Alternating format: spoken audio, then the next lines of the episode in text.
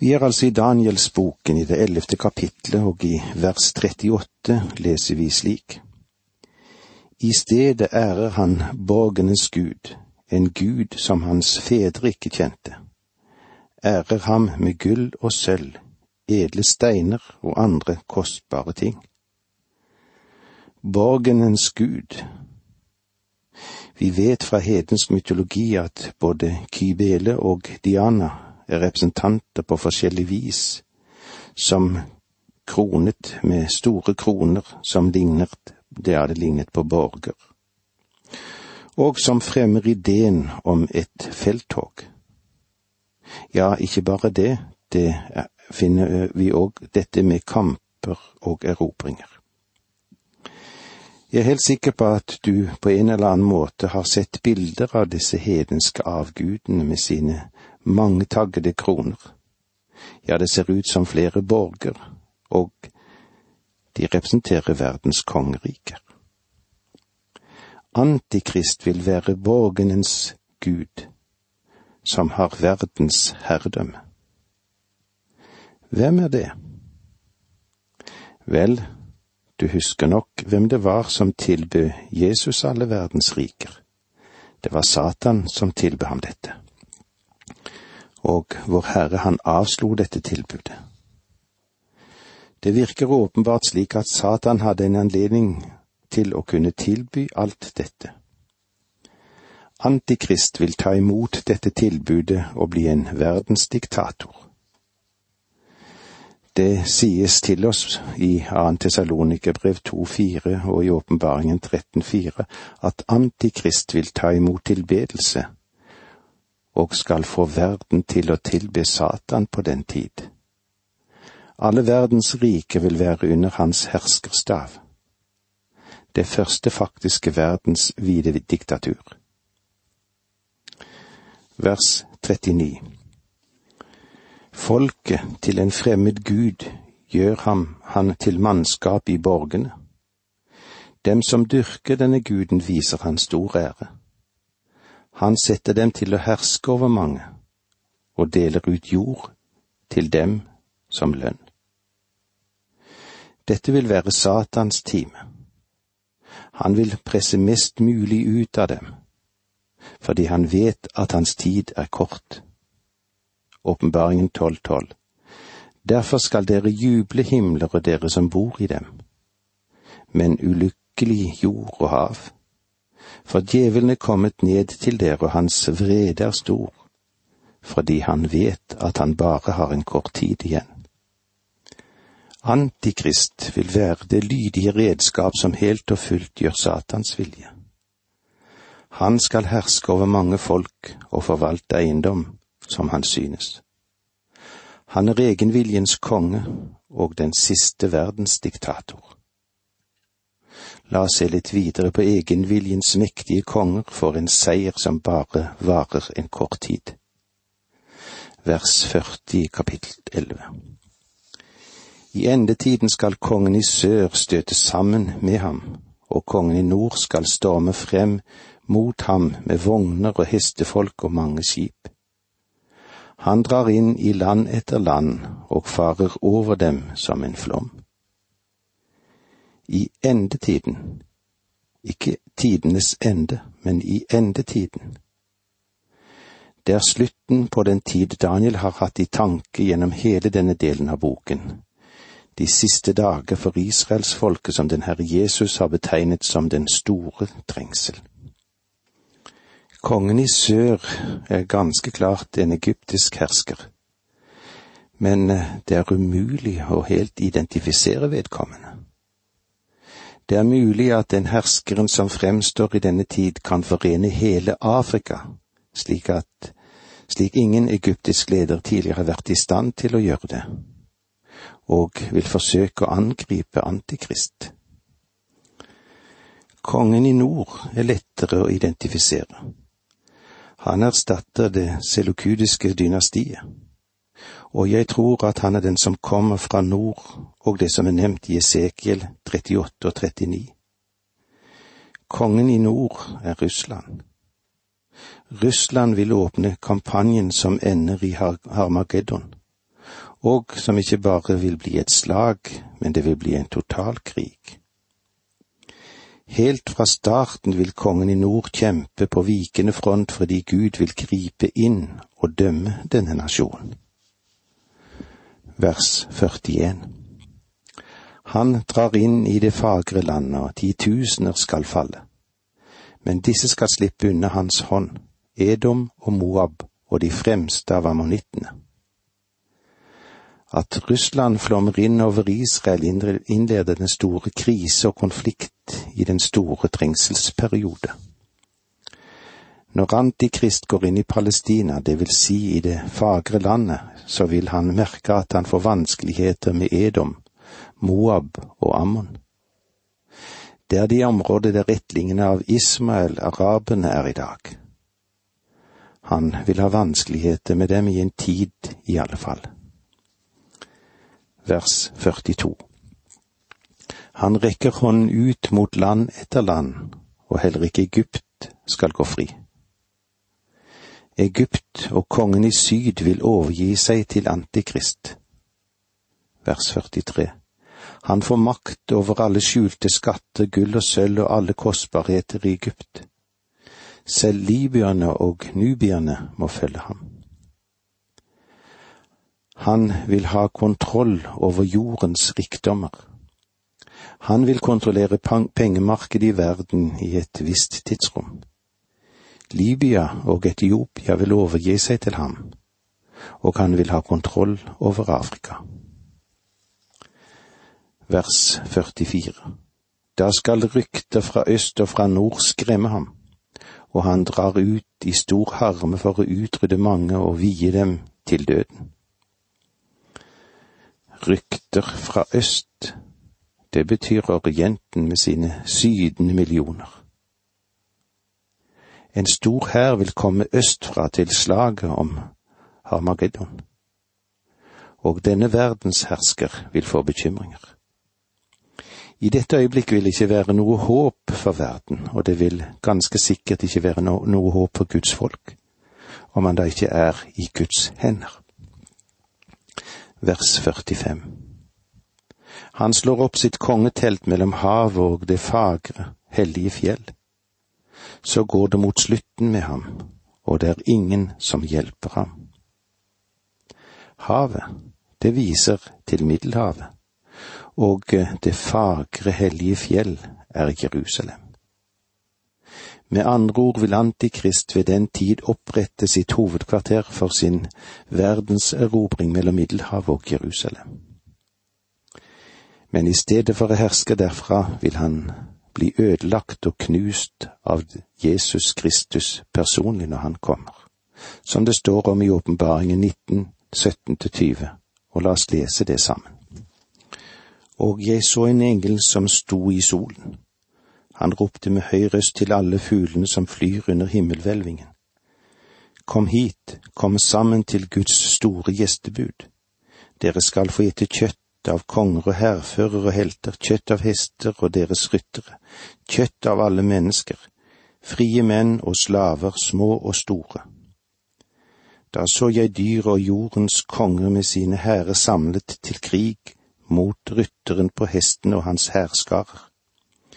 Men dyret ble grepet, og sammen med det den falske profeten, han som gjorde under i dyrets tjeneste, og med dem forførte alle som tok dyrets merke og tilba bilde av det. Begge ble de kastet levende i ildsjøen som brenner med svovel. Ja, slik sier åpenbaringen til oss. Ondskapen ville tatt over, og bare gjennom Kristi komme for å opprette sitt rike vil noen på denne jord bli fri og frelst. Det var dette kapittel elleve i Danielsboken har meddelt oss. Tenk om vi blir frelst og fri, og for en dag stå ikledt den hvite drakt. Det var så langt vi kom i dag. Takk for nå, må Gud være med deg. Dette undervisningsprogrammet består av to deler. Åge Nevland fortsetter nå med andre del av dagens undervisning. Vi er i Danielsboken, og vi er kommet til det siste kapitlet i denne mektige boken, kapittel tolv. Her vil vi se litt på avslutningen på synet angående Israel i de siste tider. Kapittel tolv avslutter nå synet som begynte i kapittel ti. Hele dette avsnittet er et syn, og alt i disse kapitlene må passe sammen som et puslespill. Problemet er at folk graver seg inn i profetiene her og der og skaper sine egne tilpasninger som de synes det er slik jeg ønsker å ha det. Vi må være klar over at hele dette avsnittet mellom kapittel ti og tolv er et syn, og det sies følgende om det. Nå er jeg kommet for å la deg få vite hva som skal hende folket ditt i de siste dager. For dette er enda et syn som gjelder de dagene, sto det i Daniel 10,14. Skal vi gjenta det? Nå er jeg kommet for å la deg vite hva som skal hende folket ditt i de siste dager. For dette er enda et syn som gjelder de dagene. Her er tre viktige ting som vi må merke oss i dette verset. Folket ditt, det betyr at dette angår nasjonen Israel etter at menigheten er tatt bort fra jorden. Den andre tingen er de siste dager. De siste dager i Det gamle testamentet identifiseres og gjøres til ett med de siste dager i Det nye testamentet som den Herre Jesus kalte den store trengselstid, og eh, det korresponderer med den syttiende uke hos Daniel. Og så har vi det tredje punktet da, som òg er viktig å ha med oss. Dette er enda et syn som gjelder de dagene det betyr at det vil gå en lang tid før alt dette er gjennomført, og før man kommer til de siste dagene. Det er gått lang tid siden Daniel hadde disse synene. I det minste så har det iallfall gått to og et halvt tusen år. Om vi nå beveger oss inn i rammen for disse dagene, er jeg ikke helt sikker på. Jeg tror at eh, menigheten må bli hentet hjem først og det er den neste store hendelse i Guds store program. Det finnes ingen dato for dette, og det er ikke noe tegn på det. Hvem som enn prøver seg å fiksere en dato for bortrykkelsen, påtar seg noe som Guds ord ikke tillater oss å påta oss. Vi skal nå lese det første verset i Daniel 12, angående den store trengsel. På den tid skal Mikael den store fyrsten stå fram, han som verner dine landsmenn. Det skal komme en trengselstid som det ikke har vært maken til helt siden folkeslag oppsto. Men på den tid skal ditt folk bli frelst, alle som er skrevet opp i boken. På hvilken basis kaller vi denne perioden den store trengsel? Hvilken grunnlag har vi for det? grunnlaget eller basisen er Jesu Kristi autoritet. Fordi han brukte det samme språk når han talte om den store trengsel som Daniel bruker her.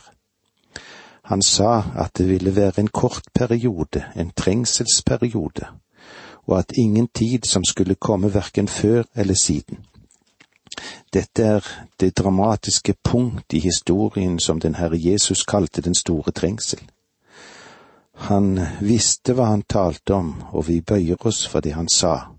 Og la oss lese sammen fra Matteus 24, vers 15.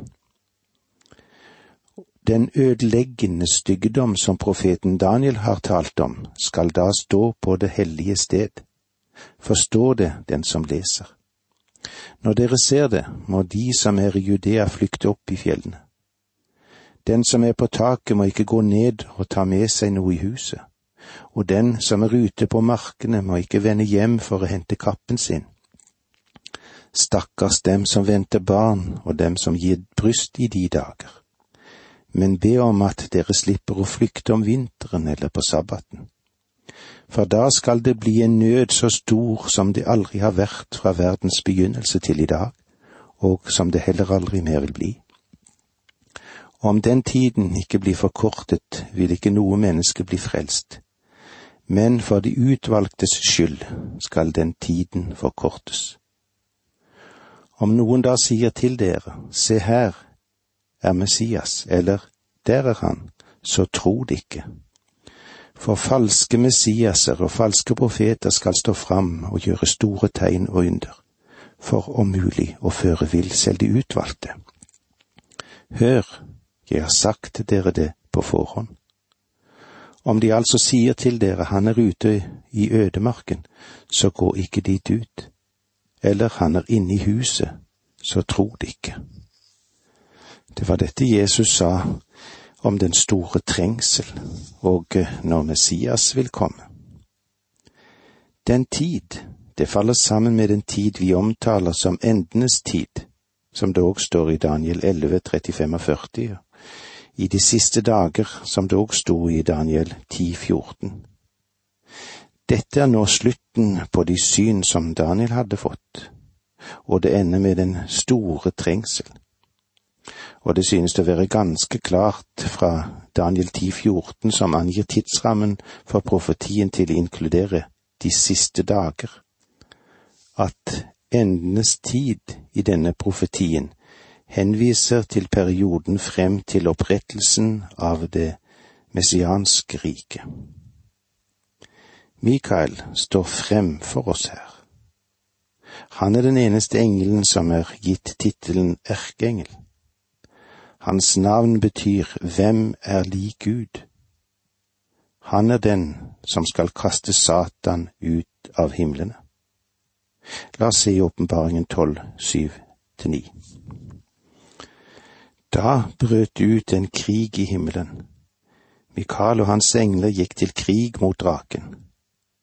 Draken kjempet sammen med sine engler, men ble overvunnet, og de kunne ikke lenger ha noen plass i himmelen. Den store drake ble styrtet. Den gamle slange, han som kalles djevelen og Satan, og som fører hele verden, han ble kastet ned på jorden, og hans engler med ham. Han er den som beskytter Israel og verner dets interesse, slik Daniel markerer det her. Hans strategi er tegnet om det som Johannes' åpenbaring forteller oss videre i dette samme kapitlet vi var innom, kapittel 12, fra vers 14 til 16. Men hun fikk de to vingene til den store ørnen, så hun kunne fly ut til sitt sted i ødemarken for å få mat og det hun trengte i en tid og to tider og en halv tid langt borte fra slangen. Ut av gapet spydde slangen vann etter kvinnen som en elv for å rive henne vekk i strømmen. Men jorden kom kvinnen til hjelp, den åpnet sin munn og slukte elven som draken hadde spydd ut av gapet. Dine landsmenn, står det videre i Daniel, dette er absolutt israelsfolket. Hvis ikke, så har språk ingen mening i det hele tatt. Det skal komme en trengselstid. Dette er den store trengselen som Herren betegnet i Matteus 24, 21. Den troende rest av Israels folk vil bli bevart, slik det òg står i Matteus og i Romerbrevet i åpenbaringen. Og i åpenbaringen 7,4 leser vi slik, og jeg hørte tallet på dem som hadde fått seilet, det var 144 000 fra alle stammene i Israels folk. Vi vil nå gå videre og se litt på det som har med oppstandelsen av, de hellige i Det gamle testamentet og syndere. I vers to i Daniel 12 leser vi slik. Og mange av dem som sover i jorden skal våkne opp, noen til evig liv, andre til skam og evig avsky. Mange av dem som sover i jorden skal våkne opp, noen til evig liv. Israels rest som lever i den store trengselstid, vil bli bevart, og den store mengde hedninger som også blir frelst under denne tiden, skal også bli bevart de i Det gamle testamentet som døde og tilhørte Israels rest, og hedninger som er frelst under Det gamle testamentets tid, vil bli oppreist til evig liv ved slutten av den store trengsel. De hellige i Det gamle testamentet blir ikke oppreist ved menighetens bortrykkelse. Etter min mening markerer Skriften det klart at ved bortrykkelsen vil de som, for så sant vi tror at Jesus døde og sto opp, så skal Gud ved Jesus også føre dem som er sovnet inn, fram sammen med ham, som det står i Tessalonika-brev 4.14. Bare de som er døde i troen på Kristus, skal først opp, står det òg i Tessalonika-brevet. Vi blir ført inn i Kristus ved Den hellige ånd, som begynte på pinsedag og vil ta sin slutt så langt jeg ser det ved bortrykkelsen. Denne samling av troende blir kalt menigheten, og Paulus forklarer oss dette i første Korinterbrev 12, versene 12 og 13. Like som legeme er ett, selv om det har mange lemmer, og alle lemmene danner et legeme, enda de er mange. Slik er det også med Kristus. For med én ånd ble vi alle døpt til å være et legeme. Enten vi er jøder eller grekere, slaver eller frie. Og vi fikk alle én ånd å drikke. Kristus sa til sine disipler, de som var borgere i Israel, at de skulle bli døpt med Den hellige ånd og ført inn i legemet av de troende menigheten. I eh, Apostelens gjerninger, kapittel 1, 5 leser vi. For Johannes døpte dere med vann, men dere skal døpes med Den hellige ånd ikke mange dagene heretter. Og eh, med disse ordene må vi si takk for nå, må Gud være med deg.